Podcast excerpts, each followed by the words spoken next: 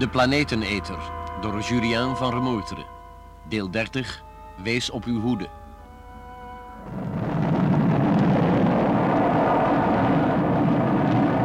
En daar ging de laatste van de vijf kernraketten die afgevuurd werden op de plaats waar het Zuidpoolijs zo verbijsterend vlug aan het smelten was gegaan.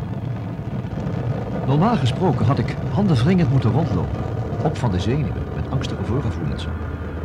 Maar nee, ik was ijzig kalm. Ik was rustig als nooit tevoren. En ik zag nu alles klaar en duidelijk voor me. Toen de raketten gelanceerd waren, gingen Smol en Hinde geen stap van het grote radarscherm vandaan. Het scherm waarop vijf gloeiende punten schijnbaar traag voortkropen. Wie had ooit kunnen vermoeden dat het zo eindigen zou? De grote maanbeving, de waarnemingen van de Beta 2-bemanning, het neerkomen van het ruimtelab en de tocht van de astronauten door het oerwoud. Mijn onderzoek. mijn onderzoek. Ergens in mijn werkkamer liggen alle geluidsbanden die ik opnam. Wat zijn ze nu geworden? Archiefstukken of historische voorwerpen?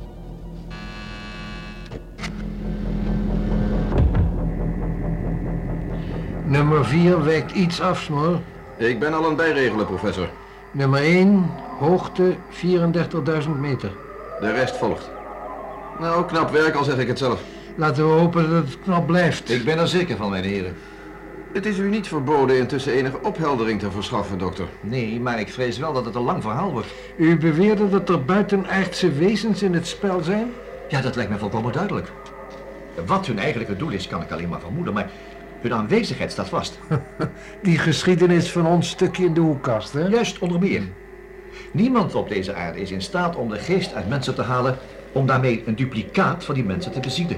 En u bent ervan overtuigd dat dit met ons gebeurd is? Dat hebben we zelf kunnen vaststellen. En de doorslag werd gegeven door wat die duplicaat Schmol op een bepaald moment zei. Namelijk dat het elektronisch slot van uw werkkamer, en nu citeer ik, geen slecht werk was voor beginnelingen. En met beginnelingen doelde hij op de mensen? Juist. U hecht dus werkelijk geloof aan wat de astronauten u verteld hebben over de zogenaamde planeeteter. Wel, ik heb in hun hele relaas geen doorslaggevende tegenstrijdigheden kunnen ontdekken. Wel kleine tegenspraken, maar het zou psychologisch onaanvaardbaar zijn en onverklaarbaar als iedereen precies hetzelfde had verteld. Dus ergens in de aarde zit zo'n vleermuisachtig onding. Ach, meneer Smol, laten we het niet te letterlijk nemen. Ik weet niet hoe zo'n ding eruit ziet. Ook de astronauten niet. Maar dat dat ding er is, wordt nu wel afdoende bewezen. Of hebt u misschien een andere verklaring voor de rampen die momenteel onze aarde teisteren?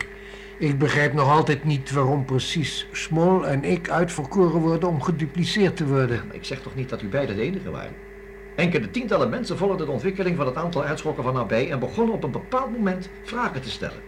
U bedoelt dat al die mensen gedupliceerd werden? Ja, dat heb ik nog niet kunnen controleren. Maar u moet toch in elk geval toegeven dat die betrekkelijk kleine groep een potentieel gevaar opleverde voor de buitenaardse, die hoe dan ook iets van plan waren met onze planeet. En als je die groep kunt uitschakelen op de manier zoals zij dat hebben gedaan, dan loop je verdomd weinig risico dat er een spaak in het wiel wordt gestoken. Uw verklaringen schijnen bijzonder goed in elkaar te passen, mijn waarde dokter. Maar ik begrijp één zaak niet. Waarom hebben de buitenaardse toegelaten dat Smol en ik ontwaakten? En dat precies terwijl u erbij was. U moet eerst weten wat eraan vooraf was gegaan, professor. Ik had er namelijk een paar zeer lastige vragen gesteld. Ze moeten vermoed hebben dat ik wel degelijk iets op het spoor was. Hoewel ik mij daar nog niet ten volle van bewust was. Maar toen zij ervan overtuigd waren dat hun werk hier ten einde liep, ik bedoel dat het ding in de aarde zijn taak praktisch had vervuld, toen hebben zij hun duplicaatvormen losgelaten en u kreeg uw geest weer terug. Trouwens, zelfs al ontdekte ik u, we konden toch niet de geïsoleerde kamer verlaten. Nee, want één ding zagen ze namelijk over het hoofd. De branddetector. Was die er niet geweest, dan zouden wij misschien nog steeds opgesloten zitten. En wat is dat ding in de aarde volgens u? Ik heb er geen idee van. Dat zal, laten we het hopen, onderzocht kunnen worden. Tenminste als die raketten hun doel treffen en het ding vernietigen of tenminste onklaarmaken. Dat zullen we gauw genoeg zien, dokter. Uw theorie staat of valt ermee. Als na de ontploffingen de aardschokken ophouden, dan zit u inderdaad goed. Maar als ze doorgaan... Dan, meneer Smol, is het met onze aarde gedaan.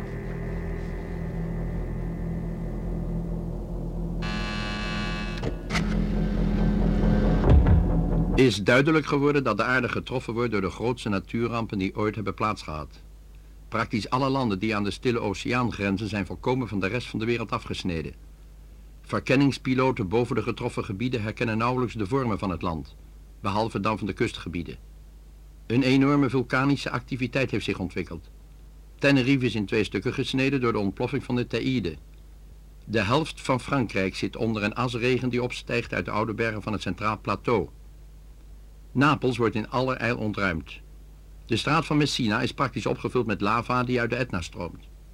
De bekende breukgebieden waarin in normale omstandigheden talrijke aardbevingen voorkomen, hebben erger dan ooit te lijden van vreselijke schokken. Overal roepen de regeringen de mensen op om niet binnenshuis te blijven. Kamperen op een vlakke strook land, bij voorkeur niet aan zee, lijkt de beste wijze om de catastrofe veilig door te komen. Wij verbinden u thans met Rome, waar onze speciale verslaggever nadere bijzonderheden heeft vernomen omtrent de toestand in Italië.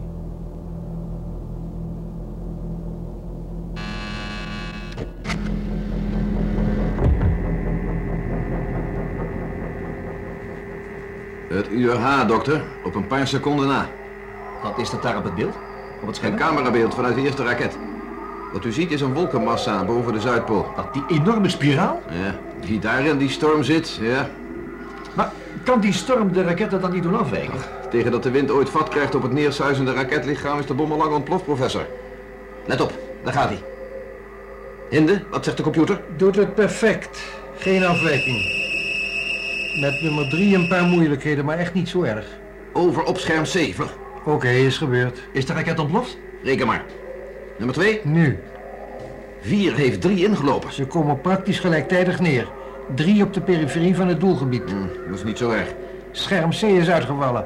Oh, dat betekent, dokter, dat ook de vijfde bom tot ontploffing is gebracht. En nu naar de telexafdeling, heren. Ik heb laten aansluiten op de belangrijkste seismologische centra. Voor zover deze nog bestaan natuurlijk. In de eerste uren zal blijken of wij het bij het rechte eind hadden.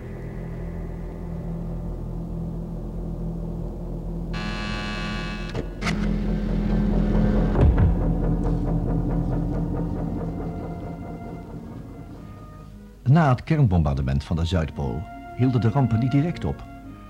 Maar het werd ons al gauw duidelijk dat wij over het hoogtepunt heen waren. Onze oude, trouwe planeet Aarde herstelde zich langzaam. De vloedgolven raasden nog een tijd door de wereldzeeën.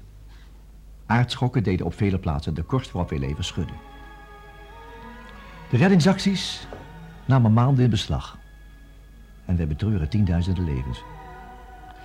Ik was bij de bevoorrechter die een vlucht maakte over wat eens de Zuidpool was. Een verpulverd landschap met een geweldige krater, waarop ooit opnieuw weer ijs zal komen.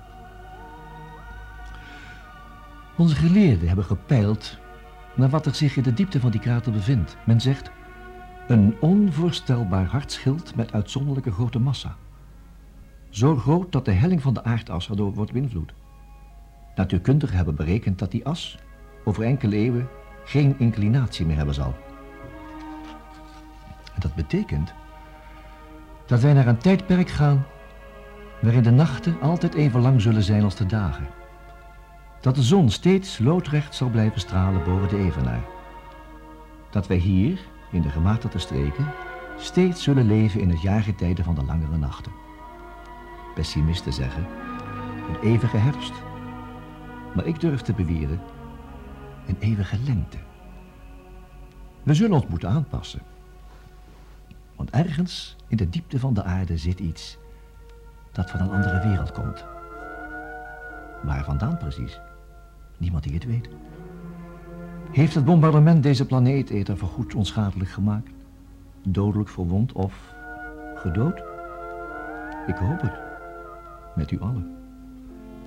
Maar wij moeten op onze hoede blijven. Er zal ooit een dag komen dat wij geconfronteerd worden met andere levensvormen uit het heelal. Sommigen beweren dat het leven een universeel verschijnsel is. En dat wezens met een grotere intelligentie als de onze niet tot onmogelijkheden behoren. Wel, ik ben bereid om dit laatste aan te nemen. Mijn studieterrein is de menselijke geest. Elke dag opnieuw wordt er geconfronteerd met een steeds groter wordende zekerheid dat die menselijke geest nog maar aan het prille begin van een lange weg staat. Een weg? Waarheen? Wie zal het voorspellen? Wie kan het ook voorspellen? Misschien een weg die ons uiteindelijk voert naar die andere, ergens in de ruimte. En het is van belang dat wij ons op voorbereiden. En ik herhaal het maar, dat wij vandaag, morgen, overmorgen, elk uur, dag en nacht, op onze hoede zijn.